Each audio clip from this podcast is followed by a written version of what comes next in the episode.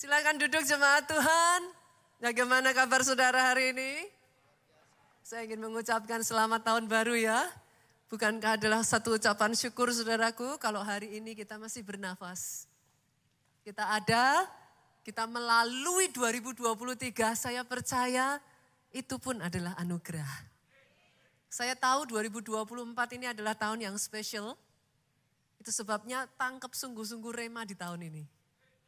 Tangkap sungguh-sungguh rema di tahun ini. Kerjakan dengan segenap hati saudaraku. Rema itu kerjakan dengan segenap hati. Doa saya ada anugerah Tuhan, ada penyertaan Tuhan menjadikan rema itu atas hidupmu, atas hidupmu, atas hidupmu. Tepuk tangannya boleh sekali lagi yang paling meriah buat Yesus Tuhan kita. Saya akan memulai saudaraku di tahun ini the year of great multiplication. Tahun pelipat gandaan dahsyat. Dan saudara, saya akan memulai dengan mengajak saudara membaca apa yang terjadi di dalam kehidupan bangsa Israel. Dari keluaran pasalnya yang pertama, ayatnya yang pertama sampai ayatnya yang keenam. Yang sudah ketemu boleh katakan amin. Yang ketemunya lihat di depan juga aminnya nggak kalah keras. Boleh bantu saya? Saya baca ayat 1, saudara baca ayat 2, kita bergantian. Inilah nama para anak Israel yang datang ke Mesir bersama-sama dengan Yakub. Mereka datang dengan keluarganya masing-masing. Ayat 2, Ruben, Simeon, Lewi, dan Yehuda. Isakar, Sebulon, dan Benyamin ayat 4. Dan serta Naftali, Gad, dan Asyar. Seluruh keturunan yang diperoleh Yakub, garis bawah ini saudaraku berjumlah berapa? 70 jiwa. Tetapi Yusuf telah ada di Mesir ayat 6 sama-sama 23. Kemudian matilah Yusuf serta semua saudara-saudaranya dan semua orang yang seangkatan dengan dia. Jadi saudaraku, ini adalah kisah bagaimana bangsa Israel itu bisa sampai akhirnya tinggal di Mesir. Dimulai kalau saudara ingat di zamannya Yusuf itu terjadi dua hal yang sangat extraordinary. Tujuh tahun masa kelimpahan dan tujuh tahun masa kelaparan. Masih ingat ya kisahnya saudaraku. Di tujuh tahun yang kedua, yaitu tujuh tahun masa kelaparan, bangsa Israel sudah tidak tahan saudaraku.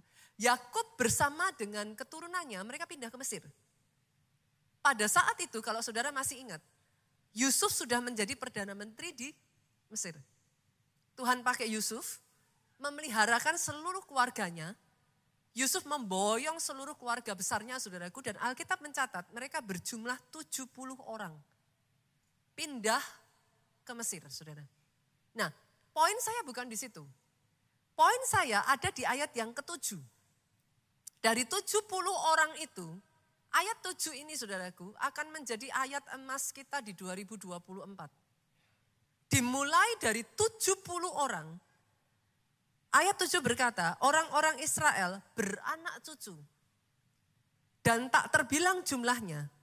Mereka bertambah banyak dan dengan dahsyat berlipat ganda sehingga negeri itu dipenuhi mereka. Dalam bahasa Indonesianya ada beberapa terjemahan yang menurut saya kurang jelas saudaraku. Saya akan ajak saudara membaca dari terjemahan bahasa Inggrisnya. Mungkin bisa dimunculkan di depan. Dalam terjemahan versi King James dikatakan seperti ini saudara. And the children of Israel were fruitful. Yang pertama fruitful. Catat ya saudaraku. Berbuah.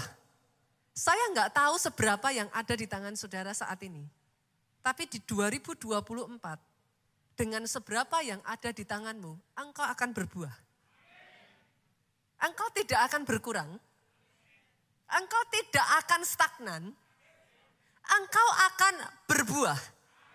Dan ayat ini dilanjutkan setelah berbuah. Nah ini lihat saudaraku. Saudara bisa menemukan ada peningkatan demi peningkatan di sini yang akan muncul dari ayat ini.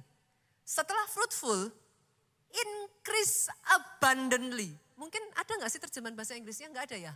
Kalau ada di media bisa dimunculkan. Increase abundantly. Jadi pertama awalnya dari yang ada itu berbuah dulu. Setelah itu bertambah-tambah. Bukan hanya increase abundantly. Setelah bertambah, multiply. Berlipat kali ganda. Satu jadi dua, dua, empat, empat jadi delapan, delapan jadi enam belas. Tidak berhenti sampai di situ. Wax exceeding mighty. Bertambah dengan dahsyat, saudaraku. Sampai the land was filled with them. Yang saya perkatakan, saudaraku, inilah yang saya sebut the great multiplication. Saya nggak peduli dengan berapa yang ada di tanganmu.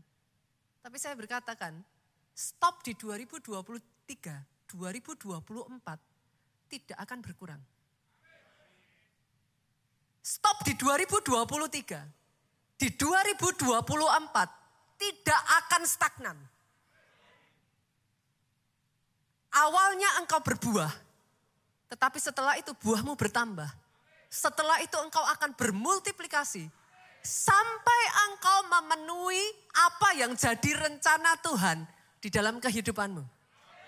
Doa saya, the great multiplication bukan hanya terjadi atas gereja ini. Oh saya perkatakan atas gereja ini terjadi. Tapi doa saya itu terjadi atas hidupmu, hidupmu, hidupmu, hidupmu.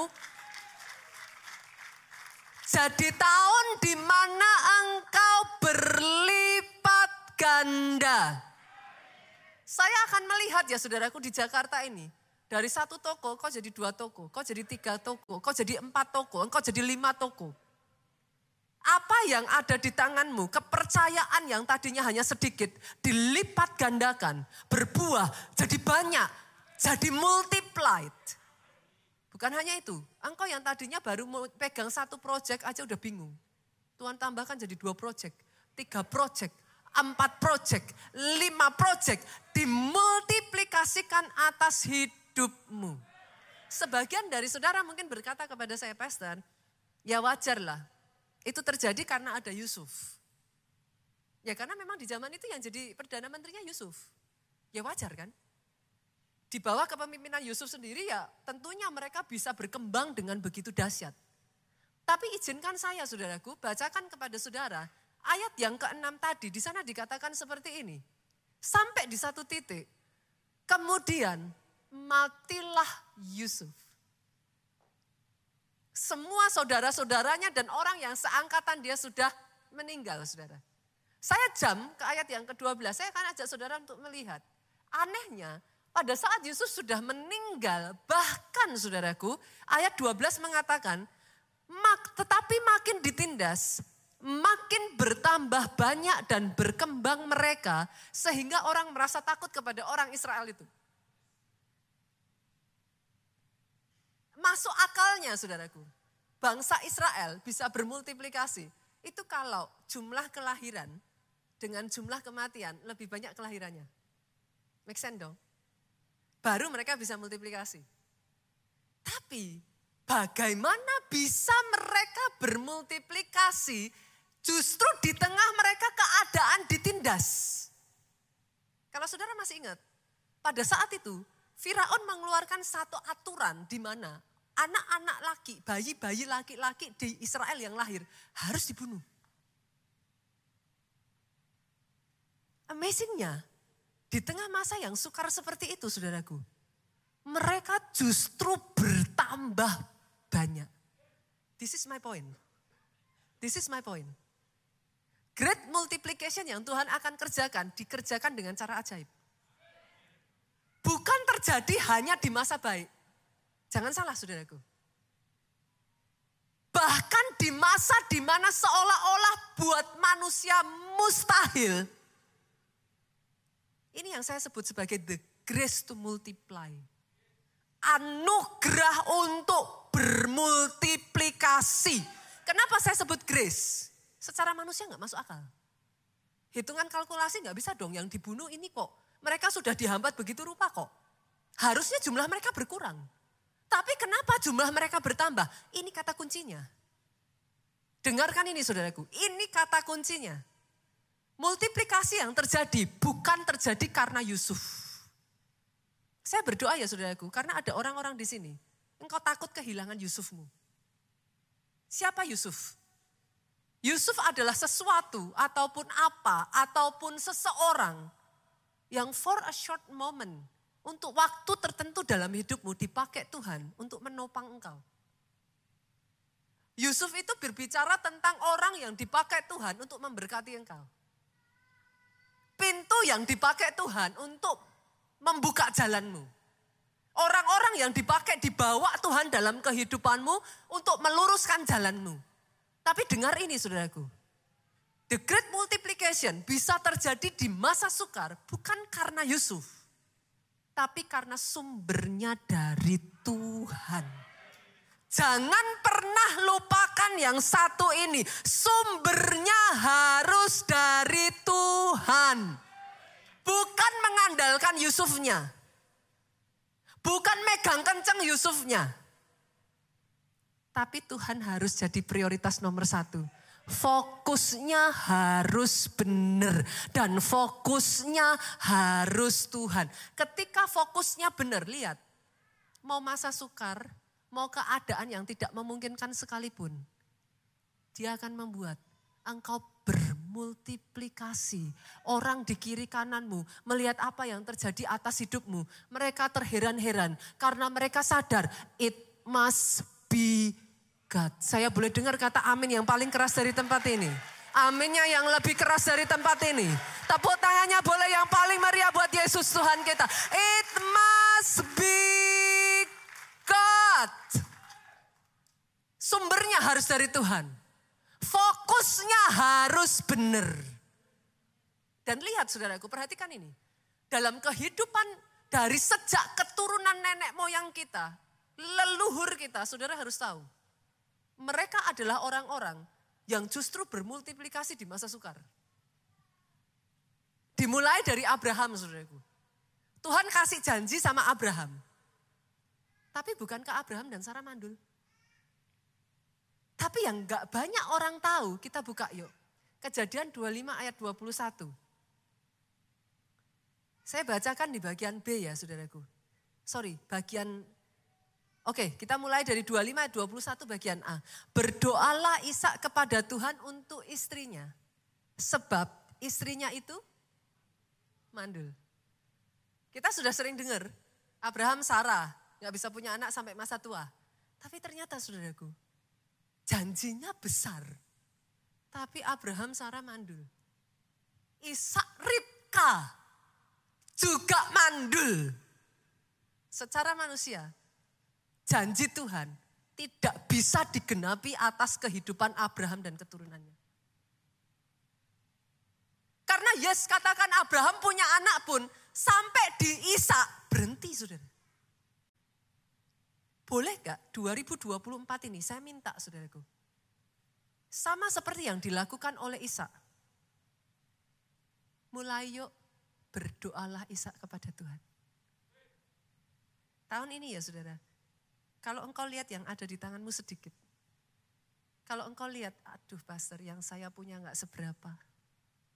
Boleh nggak saudaraku? Di tahun ini sama seperti Isa. Engkau berani melihat visi besar yang dari Tuhan.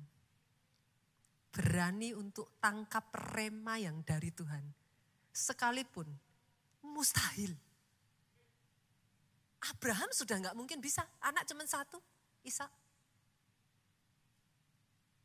Dari istri Sarah ya saudaraku. Tapi ternyata Isa pun mengalami seperti papanya. Ribka juga mandul, nggak bisa punya anak. Tapi amazingnya Ishak memberanikan diri. Ayat ini mencatat, Ishak berdoa kepada Tuhan. 2024 jangan dimulai dengan strategi manusia yuk.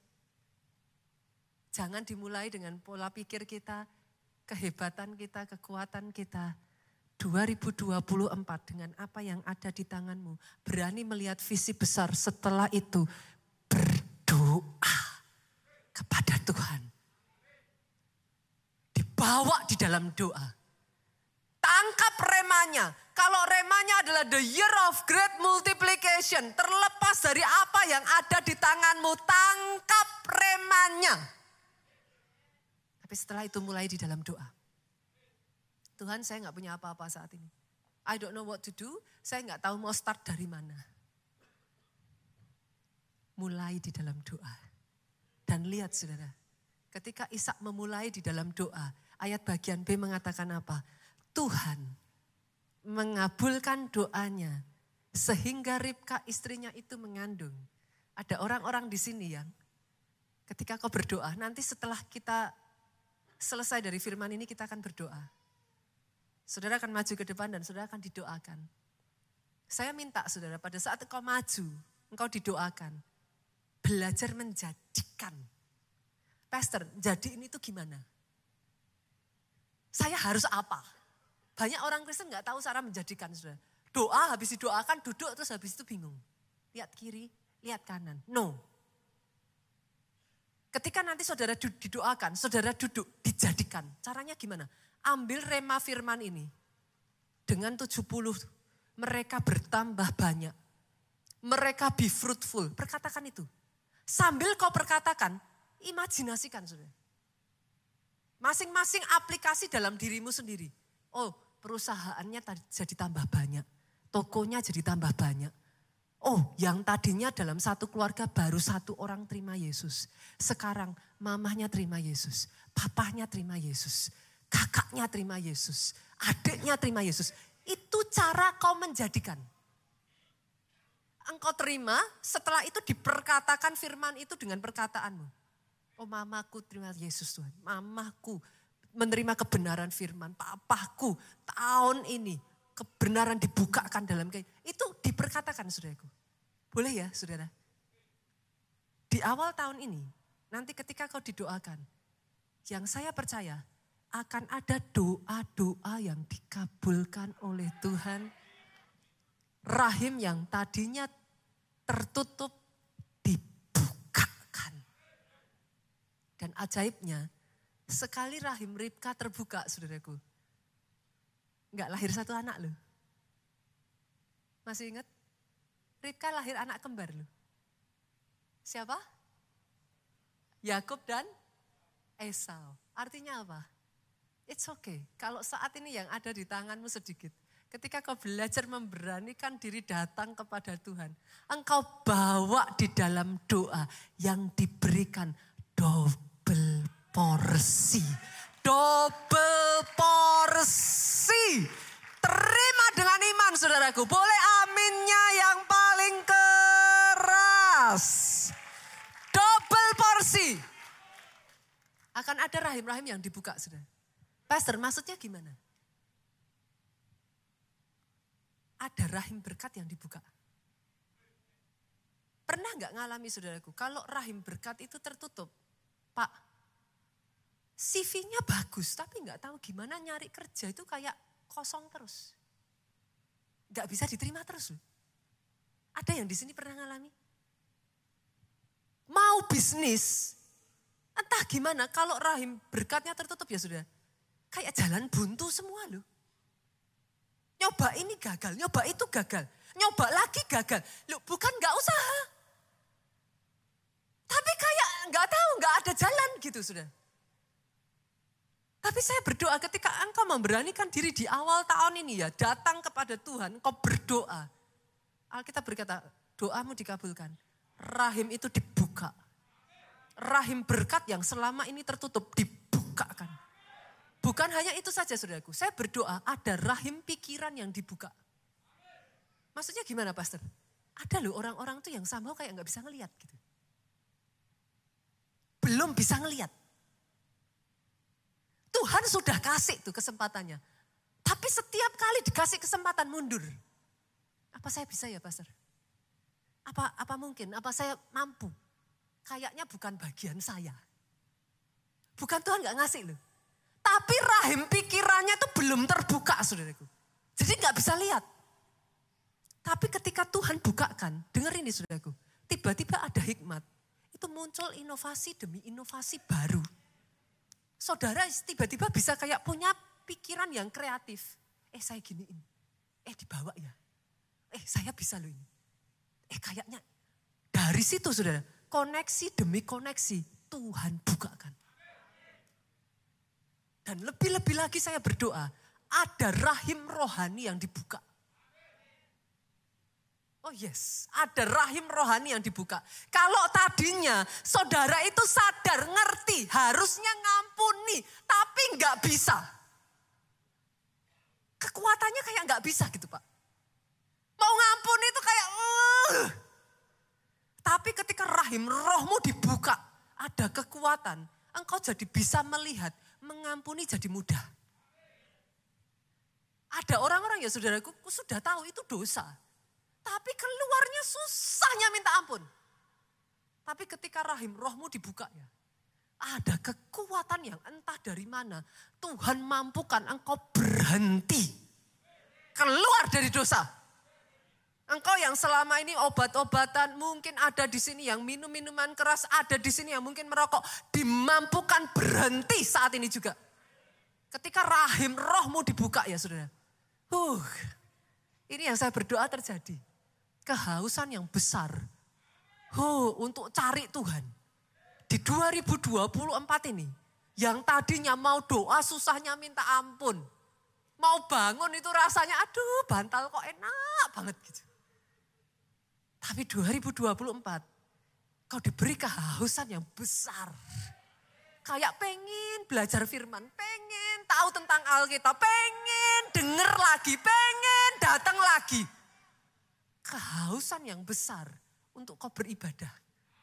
Bahkan ya saya tantang ya 2024 ini ya saudaraku. Ada orang-orang yang belum pernah puasa sebelumnya. Yuk keluarga Allah tanggal 11 halo. Halo puasa pertama di 2024. Saya tanya nanti minggu berikutnya ya saudaraku. Berapa banyak yang puasa? Saya percaya tidak ada satupun tangan yang tidak terangkat. Entah gimana ya rasanya tuh kayak ada kehausan aja. Dibuat kayak menyala-nyala rohnya. Bahkan di sini nggak ada yang lagi mandul rohnya. Kenapa saya katakan mandul? Ada loh orang Kristen, satu seumur hidup, satu terus. Dibutuhkan rohmu menyala-nyala, engkau nggak bisa diem. Kalau rohmu menyala-nyala, kau ketemu orang pengennya cerita. Kalau rohmu menyala-nyala, engkau ketemu orang entah gimana dikasih kata-kata, engkau bisa beritakan Injil. Dan kayak ngajak jiwa itu gampang sekali. Engkau tidak akan datang sebagai orang Kristen mandul. Dari hidupmu, jiwa-jiwa, jiwa-jiwa, jiwa-jiwa, jiwa-jiwa, jiwa-jiwa dibawa kenal Yesus. Oh aminnya yang paling keras. Kalau tepuk tangan, tepuk tangannya yang paling meriah buat Yesus Tuhan kita. Tidak ada satupun yang mandul. Oh, kau berjalan ya tiba-tiba rohmu bisa menyala loh. Kau ketemu orang-orang yang kau bahkan gak kenal sebelumnya. Kayak digerakkan Tuhan. Perkataanmu mendatangkan kesembuhan. Tiba-tiba kesaksianmu bikin orang menangis. Saya berdoa itu terjadi di 2024. Atas gereja keluarga Allah ini akan terjadi ledakan jiwa-jiwa. The year of great multiplication. Oh aminnya yang paling keras saudaraku. Saya perkatakan ini dari utara, selatan, timur, barat Tuhan berikan. Keluarga Allah bukan hanya ada sekarang di Jakarta Barat ya. Sudah di Jakarta Utara Coming soon Jakarta Selatan. Saudara yang tinggal di Jakarta Selatan siap-siap. Coming soon Jakarta Selatan. Jakarta Timur. Jakarta Pusat. Jabodetabek. Oh yes. Spirit yang sama yang kau tangkap ini saudaraku. Lakukan dalam pekerjaanmu. Spirit yang sama lakukan dalam pekerjaanmu. Tiba-tiba di dalam pekerjaanmu terjadi ledakan seperti itu tidak terbatas di satu tempat. Menggurita, tiba-tiba berkembangnya bisa begitu cepat. Ini saya katakan sudah, 2023 sudah stop stagnasi, stop kemunduran. 2024 terobosan. Perkembangannya begitu rapid, perkembangannya begitu cepat. Engkau dibawa itu bukan hanya berjalan, berlari, tiba-tiba kayak terbang. Kata kuncinya, jadikan Tuhan fokus. Fokusnya harus benar. Fokusmu bukan Yusuf. Bukan mengandalkan Yusuf. Loh, tapi fokusnya Tuhan. Dimulai dari sebuah doa. Doa di awal tahun. Doa berani menangkap visi besar. The year of great multiplication. Tangkap dulu saudara. Tapi setelah itu kerjakan. Di Januari great multiplication. Februari great multiplication. Maret great multiplication. Kerjakan terus, kerjakan terus. April, Mei, Juni. Sampai kita tutup 2024 nanti. Saudara berbalik ke belakang dan melihat di 2023. Engkau akan takjub dengan apa yang Tuhan kerjakan atas hidupmu. Jadi, jadi, jadi dalam hidup saudara. Oh tepuk tangannya sekali lagi boleh yang paling meriah buat Yesus Tuhan kita. Dan hari ini saya akan mengajak saudara belajar dari seorang wanita yang tadinya rahimnya tertutup saudara. Tapi Tuhan multiplikasikan dia dengan dahsyat. Namanya adalah Hana. Kita lihat ya. Satu Samuel ini awal mula dari Samuel sendiri saudara. Satu Samuel satu ayatnya yang pertama sampai ayat yang ketiga. Ada seorang laki-laki dari Ramataim Sofim dari pegunungan Efraim. Namanya Elkana bin Yeroham, bin Elihu bin Tohu bin Suf, seorang Efraim. Orang ini mempunyai dua istri, yang seorang bernama Hana, yang seorang lain bernama Penina. Nah ini saudara. Penina mempunyai anak, tetapi Hana tidak. Ada di sini yang sering dibanding-bandingkan. Kakakmu kok gini, kamu kok gitu. Temenmu loh, sudah hebat, sudah jadi CEO, sudah jadi ini, sudah jadi itu. Kamu mana? Kadang bukan orang lain yang bandingin. Tapi kita bandingin diri kita sendiri sama orang lain. Tuhan faktanya aku masih jauh. Faktanya yang ini begitu. Faktanya temanku yang itu sudah begini. Hari ini saya berdoa ya saudaraku. Engkau yang dalam hidupmu dibandingkan. Sama seperti Hana kita belajar yuk. Apa yang dilakukan Hana yang membuat dia yang tadinya tidak punya anak. Tapi dimultiplikasikan dengan dahsyat. Yang pertama saudara, kita lihat ayatnya yang ketiga yuk. Apa rahasia Hana? Yang pertama, ayat yang ketiga. Orang itu dari tahun ke tahun pergi meninggalkan kotanya untuk sujud menyembah, mempersembahkan korban kepada Tuhan semesta alam di Silo. Di sana yang menjadi imam Tuhan ialah kedua anak Eli, Hofni dan Pinehas. Pastor, lah kok tiap tahun? Bukankah kita harus ke gereja tiap minggu? Saudara harus tahu, zaman itu bait Allah itu cuma satu. Katakan kita segede Indonesia ini ya saudaraku. Katakan, katakan, ini omong kosong, katakan. Bait Allahnya misalkan ya ada di Papua gitu saudaraku. Kebayang dong zaman itu nggak ada pesawat loh sudah. Untuk saudara mencapai ke sana aja sudah berapa jauh perjalanan. Senggol kiri kanan katakan puji Tuhan gerejanya deket.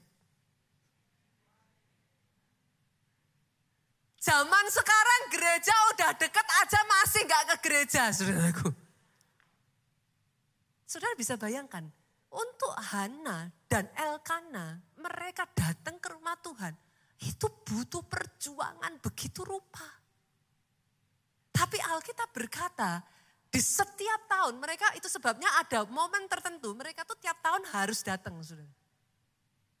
Nah ajaibnya, dari tahun ke tahun mereka pergi untuk datang ke bait Allah. Pertanyaan saya loh, dari tahun-tahun ke tahun mereka datang, sudah terima jawaban doa belum?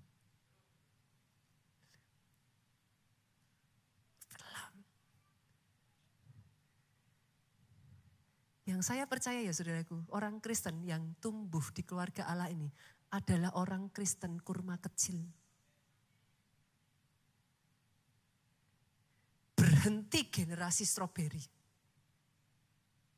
Orang Kristen yang hanya kuat kalau lihat jawaban doa, kalau lihat mujizat.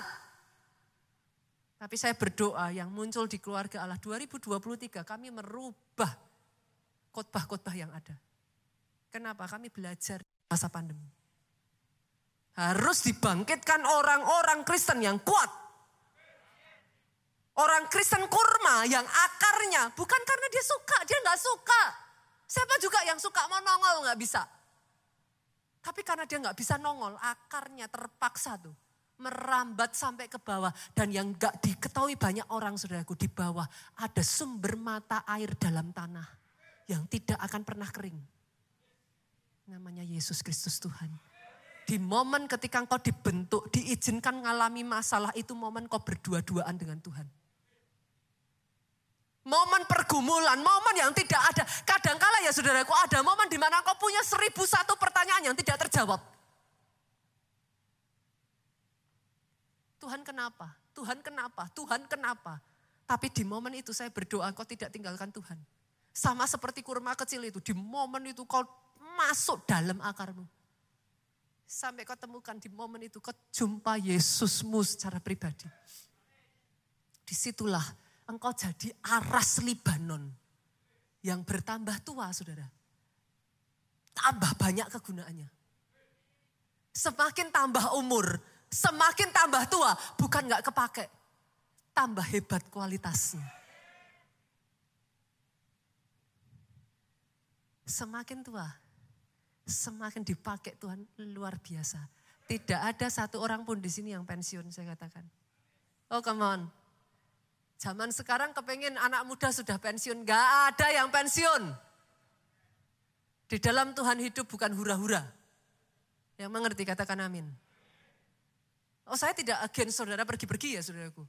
Holiday, go ahead. But that's not the focus of your life.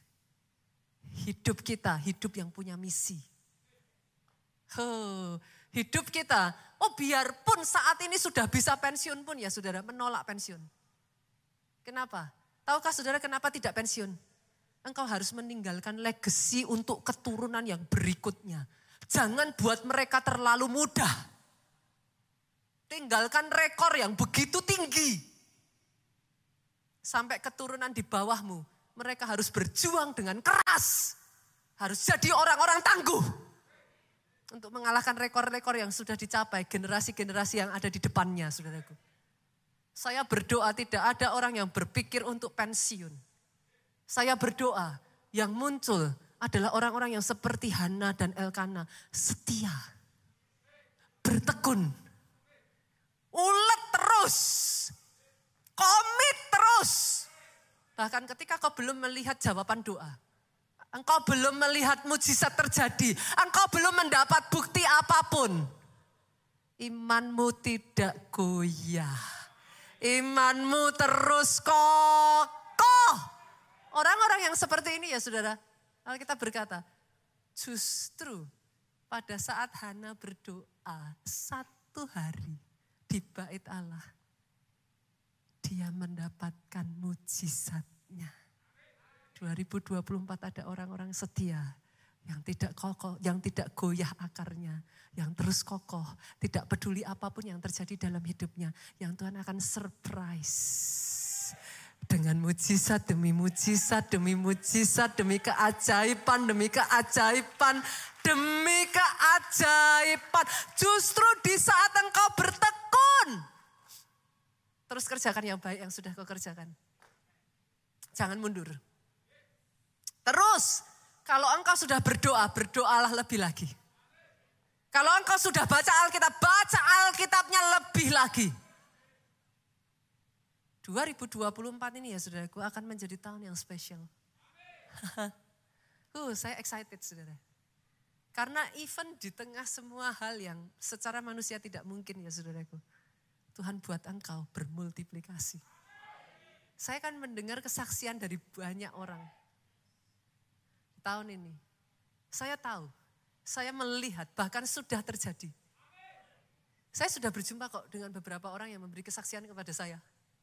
Sudah terjadi bahkan di awal tahun. Dan saya katakan kepada mereka, dilipat gandakan lebih lagi.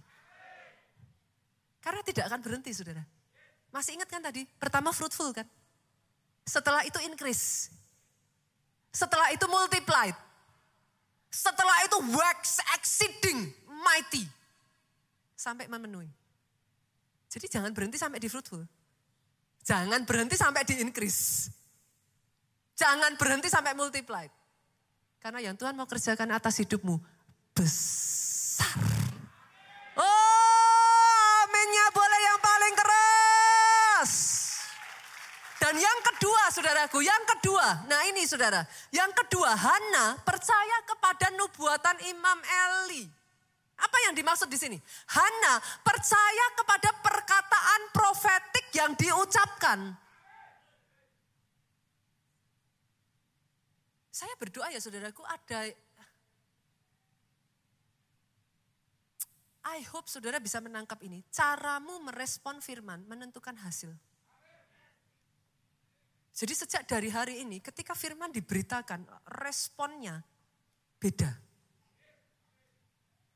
Hana itu ya saudara, jujur ya saudara, kalau kita mau ngomong ya, menurut saudara, Hana dengar rumor enggak tentang skandal yang dialami keluarganya Imam Eli?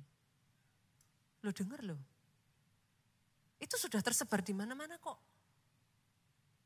Bagaimana Hofni dan Pinehas, saudaraku, terlepas Imam Eli tidak. Tetapi dia tidak membawa anak-anaknya, mendisiplin anak-anaknya, memastikan anak-anaknya ada di jalan yang benar. Hana dengar enggak saudara? Dengar. Tapi perhatikan ini, 2024 ya saudara, jaga telinga saudara. Jangan buka telingamu terhadap perkataan yang membuat engkau meragukan firman. Hati-hati saudara. Jangan izinkan pikiran-pikiran yang negatif yang membuat engkau meragukan kebenaran firman sehingga tidak mudah percaya pada firman. Kelihatannya hebat, kelihatannya wah kayak apa, logikanya keren. Tapi apa hasilnya kalau engkau jadi tidak percaya kepada firman? Jaga hati, jaga telinga, jaga mata, saudara.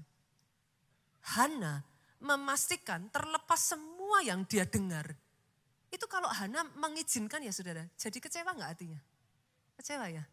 Terus kalau jadi kecewa, Eli memperkatakan firman, perkataan profetik itu keluar, percaya nggak? Nggak percaya. Kalau waktu diperkatakan kita nggak respon, terjadi nggak? Nggak terjadi. Yang rugi siapa? Saya. Saudara boleh punya pengetahuan yang tinggi. Saudara boleh, saya di dalam sekolah teologi diajarkan saudaraku. Saya tahu ada hal-hal tertentu itu kalau kita ikuti dengan cara yang nggak benar ya bisa loss. Hati-hati saudara. Mendalami firman harus. Engkau belajar harus. Tapi jangan sampai engkau di melencengkan dengan pengajaran-pengajaran yang membuat akhirnya engkau jadi tidak percaya firman. Pastor, kalau gitu cara saya nangkep firman gimana?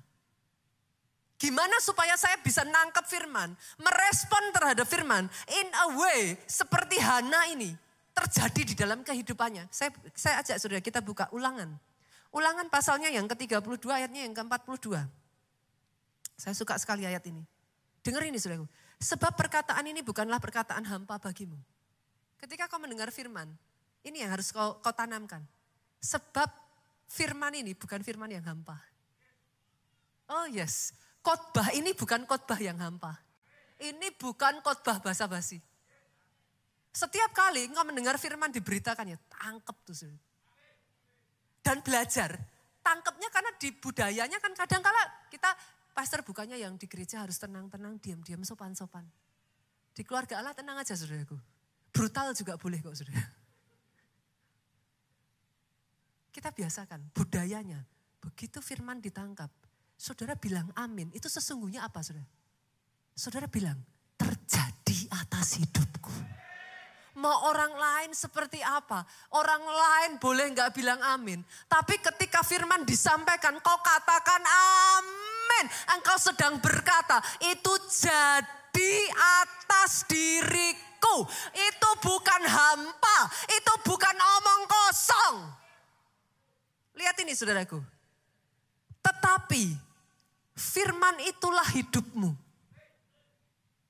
Jadi ketika firman diberitakan, Engkau nangkep itu seolah-olah itu jadi atas hidupmu.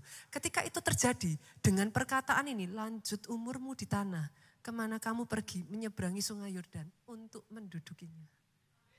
Amazing ya saudara. Sama-sama firmannya, saudara dengar. Cara nangkepnya menentukan hasilnya. Saya itu menemukan orang-orang yang bersaksi ya saudara. Pertama yang mereka katakan selalu ini. Pada saat si A, si B, si C. Enggak penting pendetanya sudah. Tapi ini loh yang saya, saya selalu dengar kesaksian tuh ngomong kayak gini. Pada saat Pak Jo mengatakan seperti ini, saya tangkap pastor. Saya percaya itu jadi atas hidup saya. Dan Tuhan ajaib. Tuhan jadikan atas kehidupan. Itu kesaksian yang selalu saya dengar. Sudah. Bukan siapa, tapi seperti apa? Tuhan bisa pakai hamba Tuhan yang mana pun, saudaraku.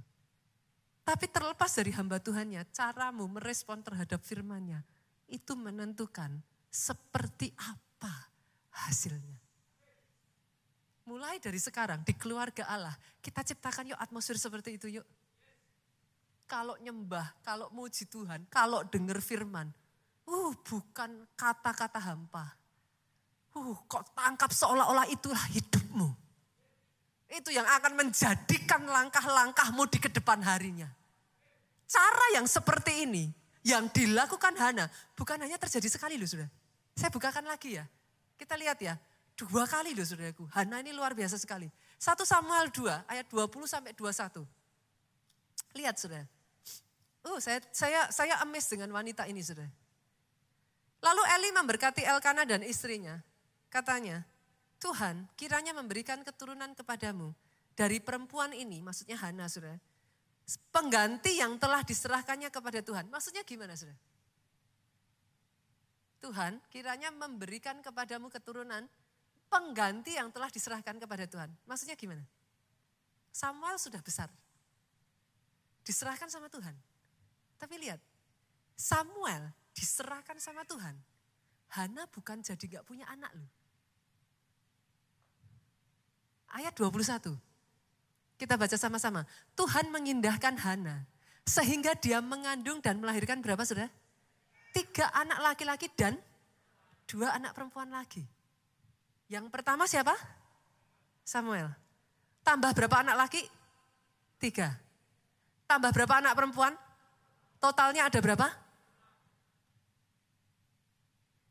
Saya harus mengatakan kepada saudara, di zaman itu anak perempuan nggak pernah disebut. Ini kenapa disebut? Ayat ini ingin menunjukkan kepada saudara. Dari yang tadinya nol. Hana itu tertutup rahimnya. Nggak bisa punya anak.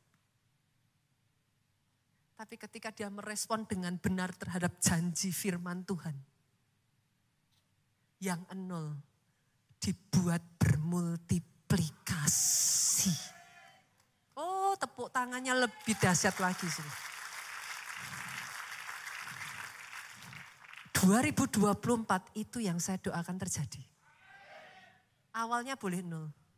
Engkau boleh bukan siapa-siapa, nol apa pun, nol jumlah, nol influence, nol apa pun, nol skill, nol koneksi, tapi di 2024 kalau kau tahu cara yang benar merespon firman, kau jadikan itu harta. Dijadikan atas hidupmu. Bukan hanya menjadi pendengar, tapi jadi pelaku. Dari kesehari terus setia. Terus komit. Terus bertekun. Tapi at the same time bekerja. Kerjakan terus saudaraku. Lihat di 2024 ini. The year of great multiplication. Digenap di atas hidupmu. Jadi, jadi, jadi. Tepuk tangannya boleh yang paling meriah buat Yesus Tuhan kita. Saya undang pemain musik maju ke depan. Saudara saya akan mengajak nanti kita sama-sama berdoa di awal tahun. Tapi keluarga Allah kita sudah terbiasa ya. Jangan tunggu bola ya. Biasanya orang Kristen didoakan tuh sukanya diunyung-unyung sampai rambutnya berantakan gitu sudah.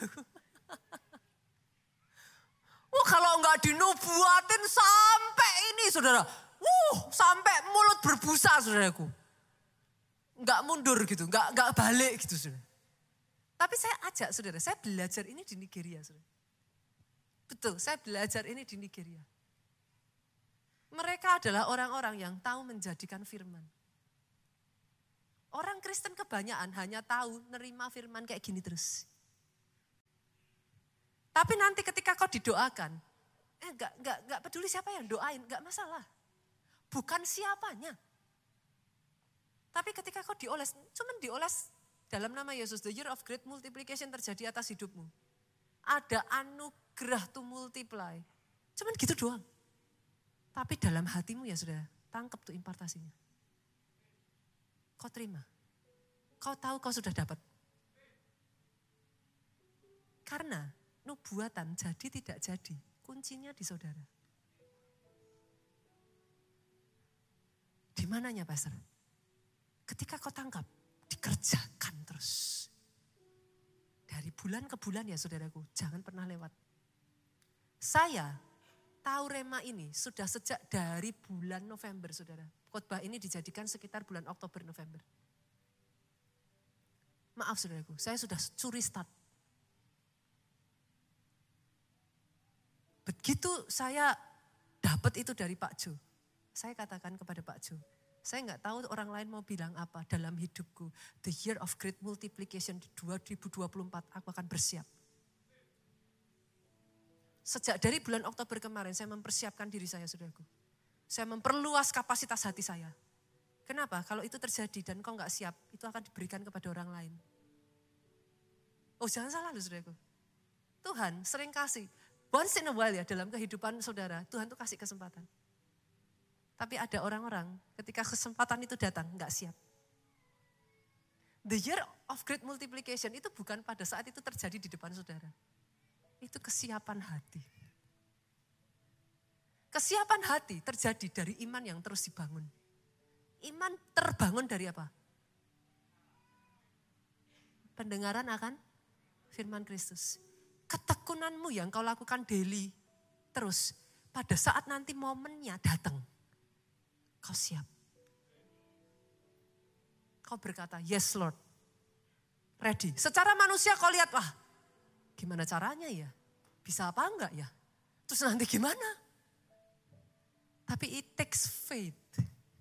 Perhatikan baik-baik perkataan saya ini saudara itu sebabnya hidupmu disebut the race of faith. Pertandingan iman Kenapa? Banyak orang gagal karena iman yang gak cukup. To be honest, sorry. Banyak orang jatuh karena masalah, jatuh dalam dosa, menyerah di tengah jalan. Sesederhana, saudara nggak butuh alasan yang lain. Imannya nggak cukup. Itu aja. Berarti kalau seperti itu, kata kuncinya sederhana. Yuk, bangun imanmu. Dari hari ke sehari ya saudaraku Isi tuh, makan firman sebanyak mungkin. Loh nggak bisa nggak keluar dari situ. Orang Kristen apakah hanya sekedar ini aja hari Minggu ibadah nggak cukup. Besok saudara sudah dihantam masalah jatuh lagi. Isi tiap hari. Isi tiap hari. Isi tiap hari. Masalah gantem saudara lagi ya, isi lagi. Apa yang kau dengar, apa yang kau lihat is what you get. Karena iman itu timbul dari pendengaran saudaraku. Dan kenyataannya dari penglihatan. Apa yang kau lihat? Banyak iman goyah dari pen, peng, penglihatan ini loh saudara. Mana buktinya? Enggak ada. Mana? Mana? Tapi yang banyak dilupakan orang. Iman adalah bukti. So you don't need any proof. Faith is the proof. Nah, di titik ini dulu sudah tricky kan. Doa saya ya 2024 ini tidak ada satupun yang tidak mengalami pengenapan firman ini. Satu demi satu saudara doa tadi dijadikan atas hidupmu. Bangkit berdiri jemaat Tuhan.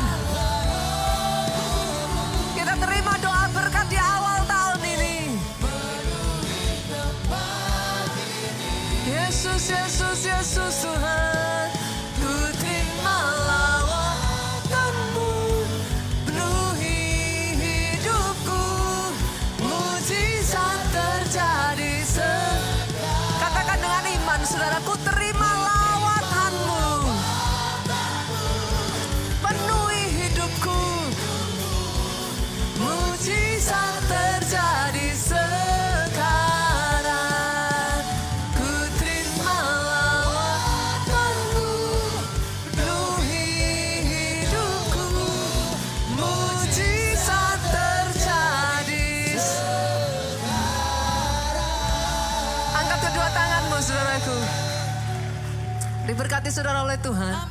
Diberkati keluargamu oleh Tuhan. Dalam kehidupanmu the year of great multiplication. Tahun ini menjadi tahun engkau berlipat ganda. Dimulai dari fruitful, berbuah. Dimulai dari increase, bertambah.